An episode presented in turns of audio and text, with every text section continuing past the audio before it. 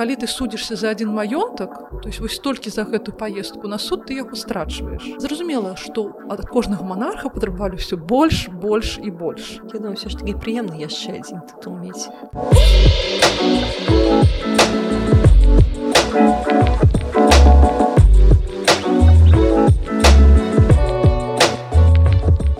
Добры дзень шаноўна гаспадарства з вами падкаст так скалася гістарычна я дзягельганна. Я шчыра дзякую вам слухачы за праслухоўванне лайкі падпіскі водгукі Усё гэта дапамагае распаўсюду гістарычных ведаў і нашага падкасту. Але асаблівая падзяка нашым патронам на пляцоўцы патрон. Патронам нашага падкаста дасяжны некаторыя бонусы, больш ранні доступ да выпускаў, дадатковыя выпускі і некаторыя яшчэ прыемнасці. Кожны з вас можа стаць патронам і падтрымаць нас на камфортную суму з пасылкай апісанні падкаста. А сёння мы зноў рухаемся па нашай уяўнай ленце часу і пагаворым пра рэч паспалітую. У гасцях у нас скіп'ян Анастасія Анатольевна, кандыдат гістарычных навук, дацэнт. Добрый дзень. Вітаю вас. Анастасія Анатольевна, дзякую вялікі, што знайшлі час прыйсці да нас у госці. Я ведаю, што вы спецыяліст па 16 стагоддзю і па 17 стагоддзю. Раскажыце, калі ласка, што гэта быў за час для нашай зямлі. Справа тым, што нельга сказаць, што гэта быў канкрэтны нейкі час, так кожныя часы яны мяняюцца, мяняюцца дастаткова хутка. 16 стагоддзя нярэдка назавуць ці часам залатым. Таму што пасля шэрагу доўгатэрміновых войн з Масквы, які пачаліся ў канцы 15 стагоддзя, у 16 наступае такі невялічкі перапынак. Краіна крыху уздыхнула, аднавіла свае межы, былі праведзены эканамічныя рэформы, палітычныя рэформы. І у выніку мы можам сказаць, што з'явіліся тыя магчымасці, якія прывялі да стварэння новых помнікаў культуры, у культавага дойлідства пачынаецца развівацца кнігадрукаванне. Мы ўваходзім у рэчышча такіх агульнаеўрапейскіх рэлігійных працэсаў. Пераймаюцца заходнееўрапейскія культурныя традыцыі, яны пераапрацоўваюцца і мы ствараем нейкі ўласны вобраз уласнай культуры. Слова друкаванае літаратурна становіцца дасяжным для шырокіх мас. Акрамя таго, тая сістэма кіравання, якая рэфармуецца, дазваляе ў нас удзельнічаць у кіраванні краінай фактычна значнай колькасці яе жыхароў гэта амаль што ўсе шляхты часткова жыхарам гарадоў пераважна канешне заможным. А таксама шляхты якая у нас уяўлялась там выключна як паны так? Насамрэч я таксама она была абмежавана судовай сістэмы і той же селянін які выглядаў у наших вачах ці пасля вывучэння нашай гісторыі як нейкі такі забіты так. Чалавек які не мае права голасу якая фактычна не зведзена да ўзроўня размаўляючы жывёлы ён меў магчымасці звярнуцца ў суд і паскарце на свайго пана і паскарце на злоўжыванні. Мог пазбегнуць нейкага падатковага ціску. Ўсё залежала ад яго магчымасці адукаванасці і працы самой судовай сістэмы. І раз вось асновы е функцыянавання дзяржавы ўсё тое чым ганарыўся народ на працягу доўга часу тое што функцыянавала тут да сярэдзін 19 стагоддзя нават пасля таго як дзяржава ўжо перастала існаваць якраз і было закладзена у нас у другой палове 16 стагоддзя.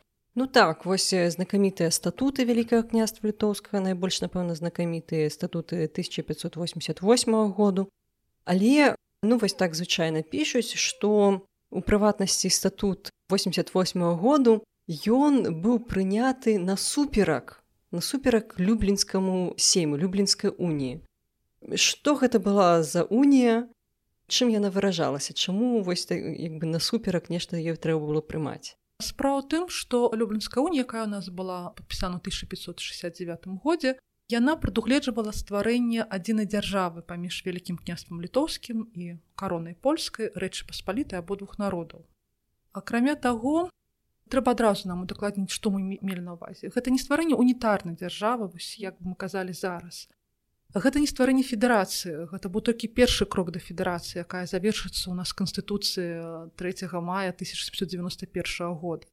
Гэта было падпісанне міждзяржаўнай дамовы ці міждзяржаўнай уніі якая аб'ядноўвала две краіны на чале з адным манархам і адзіным органам кіравання агульным соймам усе астатнія чыннікі так? Усе астатнія атрыбуты улады у кожнай краіны заставаліся свае.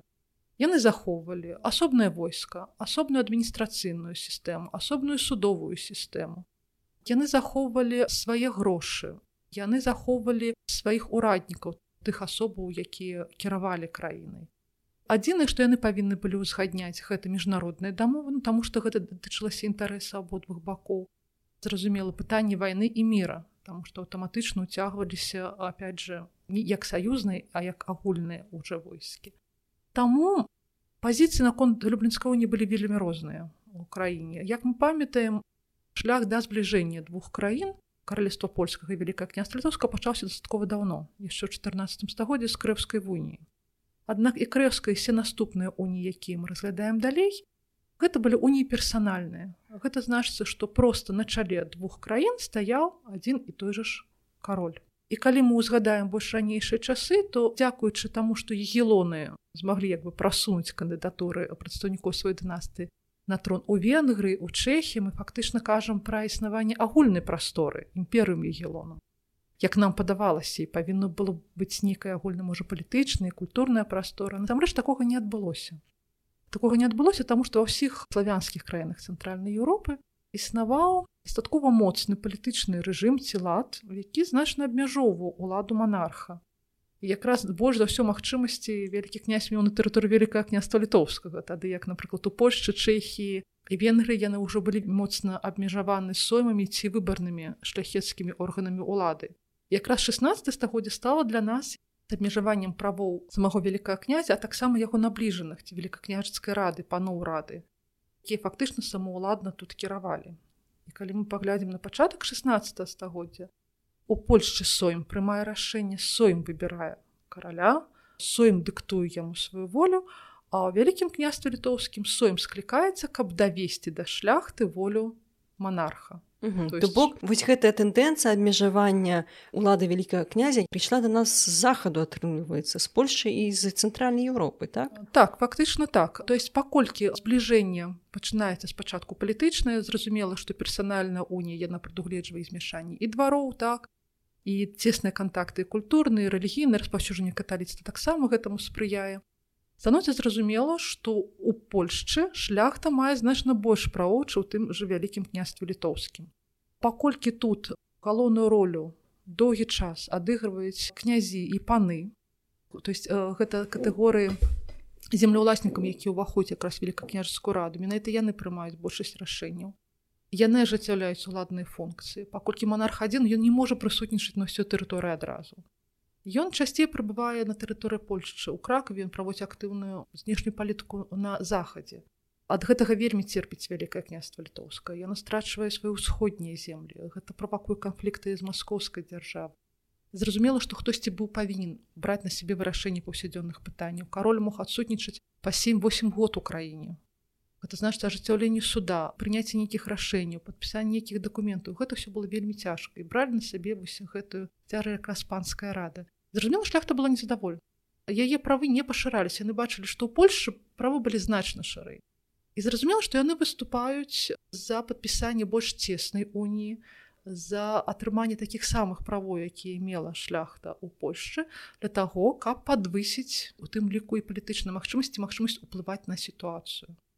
Таму што нават калі яны і атрымлівалі зямлю за службу, яны часцей за ўсё атрымлівалі не ў караля, кароль для таго каб забяспечыць сваю ладу раздае вялізныя зямельныя ўладанні вось якраз панам ці сваім службоўцам. Раздае ў прыватную ўласнасць. Гэта значит ён не можа адабраць. І шляхту уже служачы гэтым панам князям их и так далей атрымлівае землю ад іх. А яны у адрозне ад краля на вечнасць не даюць. Яны даюць толькі на умовах службы. І ў любы момант шляхціч можа гэта ці землянін як ён тады завецца ён гэтую землю можа страціць. Страчвае землю ён страчвае землю сям'я. Зразумела іх такая сітуацыя не задавальняла.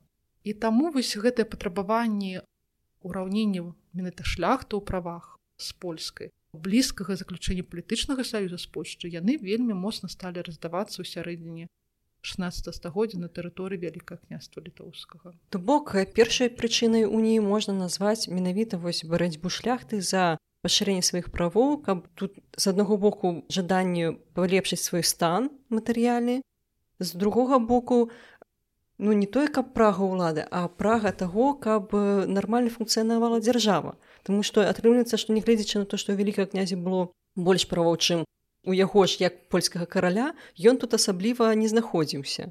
Ён не карыстаўся як атрымліваецца гэтымі правамі. Не вырашаў бягучыя пытанні. Бягучае пытанне не. Ну, канешне все роўна рэтэша зямлі суд без яго не абыходзілася. Гэта просто для гэтага было трэба ехаць у кракаў але напрыклад калі шляхціч хацеў бы шукаць справядлівасці і хацеў паехаць у кракаў то яму бы гэты суд каштаваў сярэдняга маёнтка.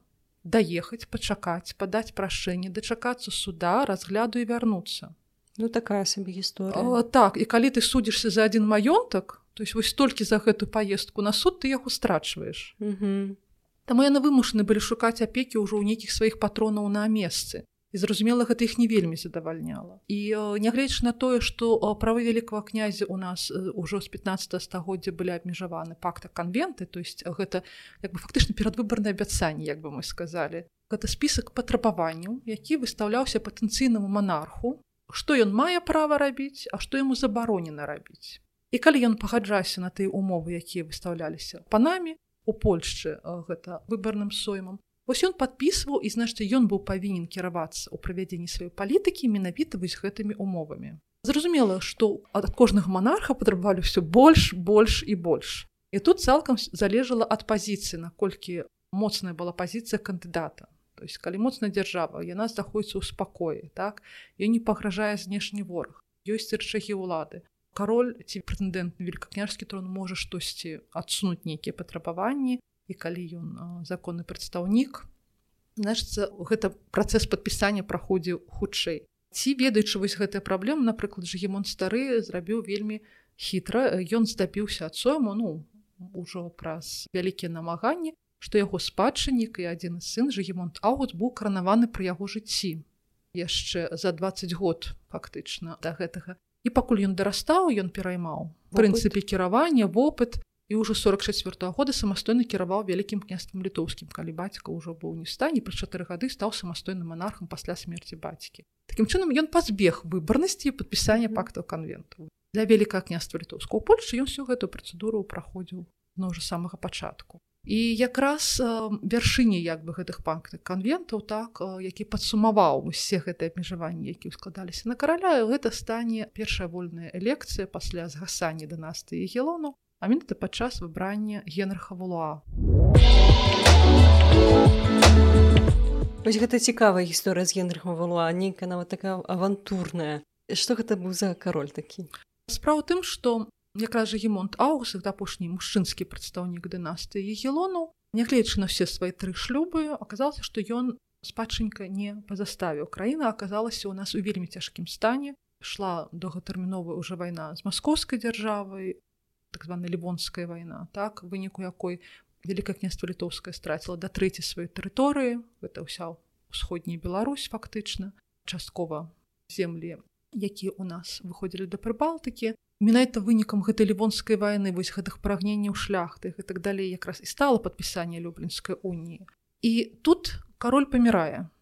Рэформы не завершаны. Вялікае княства літоўская унію падпісвае пад прымусам. Яны супраціўляліся на працягу паўгадоў дэлегацыя была вельмі супраць нягледзяч на тое што там усоўваліся нейкія сябры некі дадаваліся ўсё роўна яны выступаць захаванне незалежнасці подписывать яны под пагрозай войны на два бакі то есть у іх забіраюць э, вялікую частку украінскіх земель так званой рускай вот валынь падолля кіўшчына зразумела что задавальненне ўкраіне ўсім гэтым не было.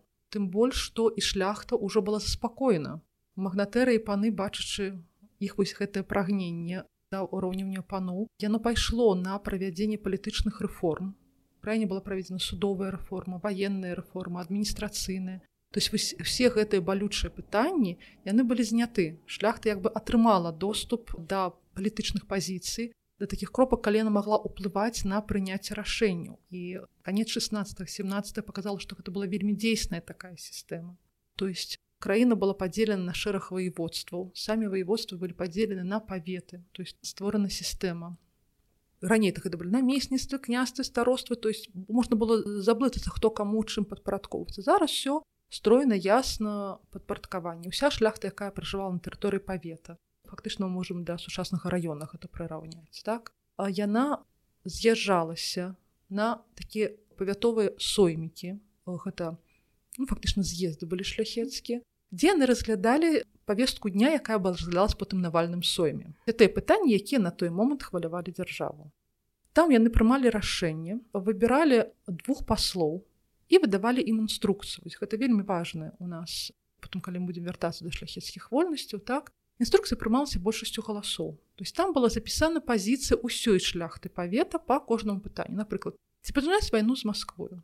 Ці пагадзіцца на умовы мира ці падпісваць унію з Польшчай ці ўвесці новы падатак дазволіць будаўніцтва касцёла ці пратэстанцкага збора. То есть по кожнаму гэтаму пункту быў прапісаны свая думка. Акрамя таго калі былі патрабаванні шляхты якія адрозніваліся ад гэтай павесткі яна зноў жа записывалася і прасілася агучыць паставіць іх на павестку дня на сойме і разгледзець наколькі яны неабходна і наколькі важна прыняцце тых ці іншых законаў. Потым вось паслы ад кожнага гэтага павета. З гэтай інструкцыі ехалі на соем і яны не былі самастойнымі не мелі права голос напрыклад як сучасныя дэпутаты. Хачу галасую так хачу галасую на свой погляд по таму ці іншым пытанні яны былі павінны прытрымвацца інструкцыі. Яны былі просто як бы голасам павета. Пок яны не мелі самастойнага голасу фактычна. Яны павінны былі прытрымлівацца жорстка вось гэтай інструкцыі. так так так так. І таму калі мы кажам што прыняцце адзінагалосна гэты голас быў не голас гэтага пасла а гэта был голас павета гэта был голас цэлай тэрытарыяльнай адзінкі. І шляхта яна выбірала судовых ураднікаў то есть яна сама вершыла суд то есть яна могла б удзельнічаць у прыняцці законаў. Яна уплывала на памеры падаткаў. То есть такім чынам вось гэтыя балючыя кропкі яны былі зняты з аднаго боку але краіну ўсё роўна Да люблінская уні гэта толькі 34 гады як толькі былі ўведзены гэтай рэформы зразумела што яны яшчэ не прыжыліся яны цалкам не заспакоіліся ну, так там 66 -го году статак бельскі прывілей 64 -го так так так то есть пытанні існавалі не было вырашана рэлігійнае пытанне якое вельмі абвастрылася таксама на гэты момант і раптоўна кароль паміра яшчэ ён не вельмі стары быў чалавек крыху больш за 50 год. Можна было яшчэ спадзявацца што штосьці зменіцца можа ён выберасе пераемнікаў яго былі пляменнікі як бы ну былі варыянты але што здарылася то здарылася. І пустае пытанне што все дынастыя скончылася караля няма краіна ў стане вайны польскі бок які фармальна падпісаў унію дапамагаць ні грашыма ні войскамі нічым не жадае то есть землі адабралі правы часткова адабралі дапамогі мы ніякой не бачым што рабіць далей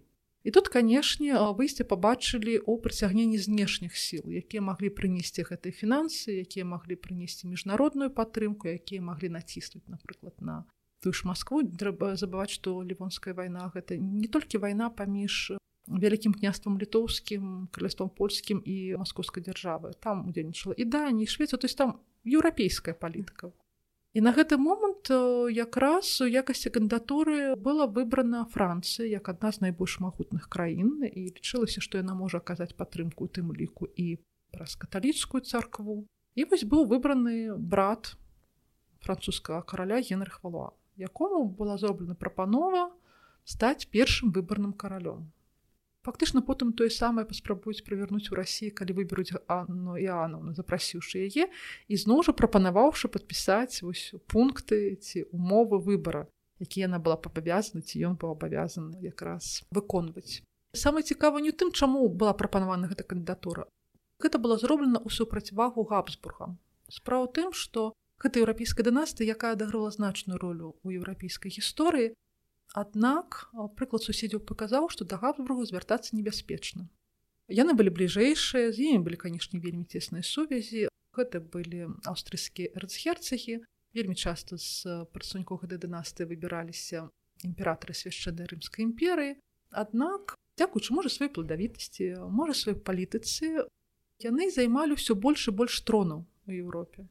І менавіта дзякуючы дынастычным сувязям, яны ўжо атрымалі венгерскі трон. Яны атрымалі чэшскі трон. І ў свой час Польшча менавіта пайшла на саюз вялікім княствам літоўскім ратуючыся ад хаббургу што... яны іх таксама не прыбралі так таму што каралева ядвіга павінна была пайсці замуж за хабсбурга яны разарвалі ты умовы прапанаваўшы яе руку ягайлі нягледзяч на тое што і жонка казіміра егелончыка то есть маці і александра і ж гемонта старога паходзіла з хабсбургаў і тая ж бона форцена была племенніцы жонкі імператара з дынастыі хабсбургаў і абедзве жонкі жыгемонта аўгуста таксама паходзілі з гэтай дынасты было вырашана ўсё ж таки змяніць кірунак у знешняй палітыкі і звярнуцца скажем так да іншай еўрапейскай дынасты ну, тут ёсць такая мне здаецца імкненне узяць чалавека які быў мінімальна звязаны з нейкім такім мясцовым кантэкстам так хутчэй за ўсё Мачыма таму які магчыма пахадзіўся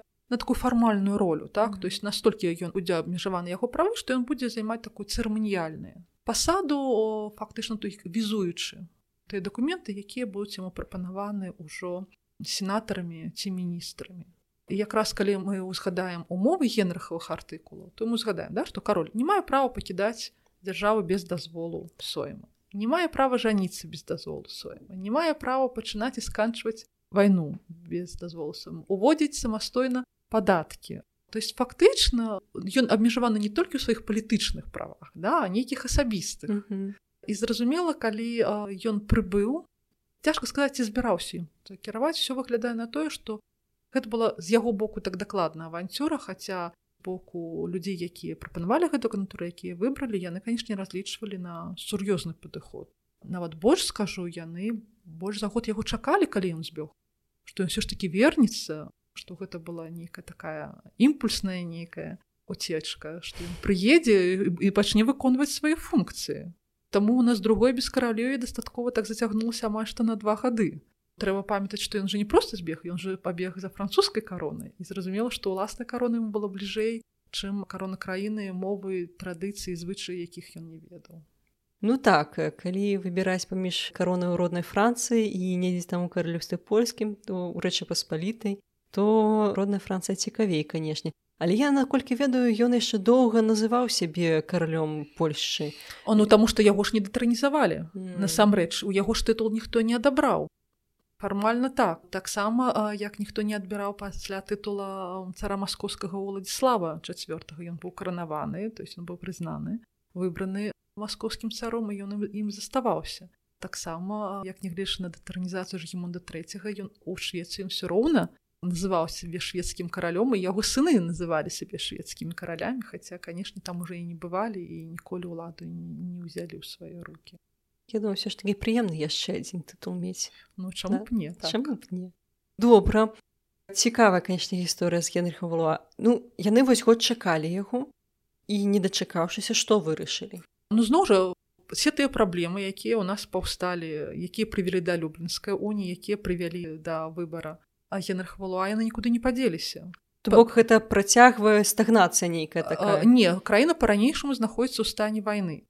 Ратуе толькі тое што лінія фронта неяк усталявалася ў рассіі свае праблемы на гэтай тэрыторыі свае праблемы вялікае княства літоўска аказалася больш падрыхтавана да гэта таму што традыцыйна манархія падоўгу тут адсутнічаюць лада знаходзіла сваіх руках акрамя таго ўжо паўнамоцтвы сойма былі прапісаны дастаткова добра і тыя рашэнні якія прымаюцца яны дзейнічаюць да моманту склікання новага притым што все рашэнні які прымаюцца на сваім яны записываюць асобны документ які завецца канстытуцыя для того каб мы не блыталі што гэта такое гэта не асноўны закон а гэта звод пастанову сойма ці усе зараз у нас напрыклад пастанова верховнага савета там 15 склікання да напрыклад там 14 фактычна гэта такое. І якраз тое што было прынята ось якое датычыцца напрыклад падаткаў так ці вядзення войн ці гэтак далей яны кіруюцца гэтымі канстытуцыямі ці яны працягваюць кіравацца заканадаўчымі зборнікамі якія дзейнічаюць на гэтай тэрыторыі але паколькі у нас рэформ былі праведзены узнік шэраг пытанняў тым ліку і сувязі з тэрытарыальнымі зменамі у сувязі з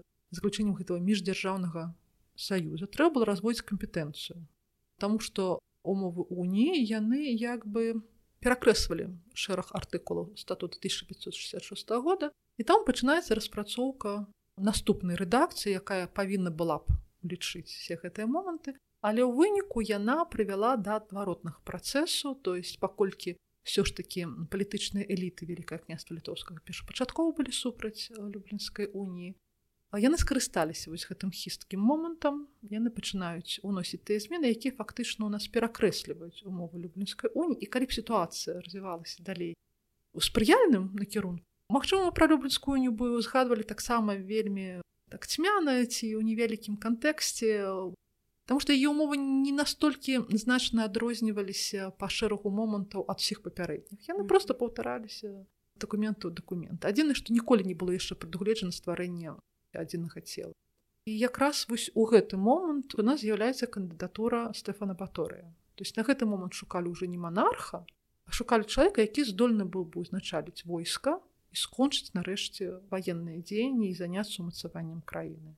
Канешне, умовы былі розныя, гэта быў чалавек дастаткова малады ўжо які праявіў сябе на ваенным нейкай арэне кандыдатура стэфана баторы яна была прапанавана метапольскімі панамі а на тэрыторыі вялікая княства літоўская пераважна падтрымлівалі габсбург. І нават існавала кандыдатура выбраць маскоўскага цара івана чацвёртага ці івана грознага так манархам і такім чынам скончыць вайну разарваць унію аб'яднаць краіну А пасля яго смерці нават узнікла кандыдатура яго сына Фёдора Іванович і такім чынам вырашыць вось гэтае ваеннае пытанне. Ну і пасля шэрагу пературбацыі было зразумела, што маскоўская кандыдатура гэта такая палітычная гульня, ніхто не жадаў патрапіць у тыя умовы, якіх існавалі эліты ў маскоўскай дзяржаве, але тым не менш перамовы вяліся, лісты дасылаліся пасольствамі абменьваліся. І гэта, дарэчы, парушала напрамую у нас умовы уніі тому что люблінская уні вельмі жорстка патрабавала каб усе адзінагалосна выбіралі ў адным месцы монарха. А тут мы бачым что польша асобная вялікае княства літоўская асобна гэта робіць некае самаўпраўства такое. ну так збіраюцца асобныя шляхецкія з'езды ўжо няма адзінага кіравання і нават монарха таго ж Стэфана Батора яны выбралі ўжо пасля таго як ён быў прызнаны каралём польскім то пасля таго як там завяршыўся выбарны працэс ну якасць таго што ну куды дзявацца ўжо так уж быць калі ўжо выбралі калі ўжо выбралі так няхай будзе і трэба сказаць што кандыдура аказалася вельмі удалая. Пункту гледжання якраз знешняй палітыкі сапраўды чалавек паспяхова скончыў вайну здолеў вярнуць значную частку тэрыторыі то есть тут гэтыя все умовы пакты канвенты былі выкананы права на трон ён атрымаў не толькі як выбарны кароль але і кароль спадчыны дзякуючы шлюбу з ганнай гелонкай то есть пашлі по такому шляху як у свой час з ядвігай так? На жаль дынастыя не атрымала працягу і за ўзроста жонкі і за заўчаснай смерці самого стэфана баторыя. Для нас гэта тым больш была прывабная фігура таму што якраз недоўгі акрас свайго панавання каля 10 год Ён значную частку правёў на тэрыторыі Беларусі так спачатку ваенных паходах, потым выбраўшы сваю рэзідэнцыю гарадзеньскі замак, перабудаваўшы яго. І вось якраз зноў пасля яго смерці дынастыя перасякаецца. зноў паўстае пытанне, што рабіць далей. І вось якраз тут знікае кандыдатура пляменніка Жмундауста і племенніка Ганны Егелонкі, так сына фінскага князя потым краля шведскага жгемонтавазы. І вось якраз адной з умовай фактычна яго выбрання стала згода на падпісанне новай рэдакцыі статута, які фактычна абвяргаў у нас умовы люблінскай уніі. Ход пад якім ведаем статут гэта момант падпісання. Як mm -hmm. правіла, вельмі часта гэтыя дакументы, гэта заканадаўчыя зборнікі ці асноўныя дакументы яны чакалі дзегоддзямі. Напрыклад, знакаміты статут самы першы 1529 года быў створаны ў 1522 ужо пакладзены на сойм, але кароль ніяк не мог даехаць яго падпісаць той самы і статут 1588 года быў распрацаваны верыфікаваны камісія значна раней. Але вось падпісанне дайшло толькі 88 годзе і тут якраз цікава для нас асоба льва сапехі тому што ён вельмі часто нас паўсюль фігуруе як тваральнік статута гэта не зусім як бы правільна Таму што адзін чалавек не займаўся такой справай. Існавала цэлая камісія якая узгадняла пытанні разглядала прэцэдэнты судовыя здымала спрэчных і так далей. І камісію гэта узначалі ў канцлер то есть кіраўнік канцеляры знешняй унутранай палітыкі великка княства літоўска на той момант стафі валович под яго началом камісію якую ўваходзілі прафесійныя юрысты меўшы заходнееўрапейскую адукацыю тым лік яны распрацоўвалі. Але пасля смерти валовича якраз наступным кацерам стаў сапега пры якім і быў падпісаны падчас канцэрства якога і быў падпісаны прывілей на прызнанне гэтага статуты які атрымаў прывілей на яго друк. І вось якраз яго заслуга што ён дагэтуль былі гэта рукапісныя зборнікі што ён надрукаваў гэты статут і гэта стала настольнай кнігай mm -hmm. так для кожнага суда для кожнага органу улады то есть яна перадавалася неаднаразова які дазваляў у нас азнаёміцца і добра арыентавацца ў прававой сферы шырокім колам Дзякуй вялікі Ну напэўна на гэтым мы нашу размову на сёння скончым. Такім чынам мы акрэслілі перадумову люблінскай уніі яе умовы і невялікім чынам акрэсліваць гэты рух так бы мовіць супраць любліна наступным разам мы паговорым пра прычыны крызісу рэчы паспалітай як так атрымалася чаму такая сістэма органаў кіравання якая была адлюстравана ў статуце 88 году чамусьці перастала працаваць а на сёння дзякуй вялікі Анастасія за размову. А я нагадаю што у нас выходзіць падкасты на ўсіх пляцоўках для падкастаў калі ласка калі вы слухаеце на Apple подкастах то ставце там зорачкі пішыце водгукі. Калі вы слухаеце на яндекс подкастах то ласка ставце сардэчка калі ў нейкім іншым месцы слухаеце стаўце зорачкі сардэчкі і пішыце каментары. Подписывайтеся на наши соцсеткі каб не губляць сувязь і ведаць усе навіны якія ў нас адбываюцца. Яшчэ раз шчыры дзякуй нашим патронам на патрыоне і да новых сустрэч. у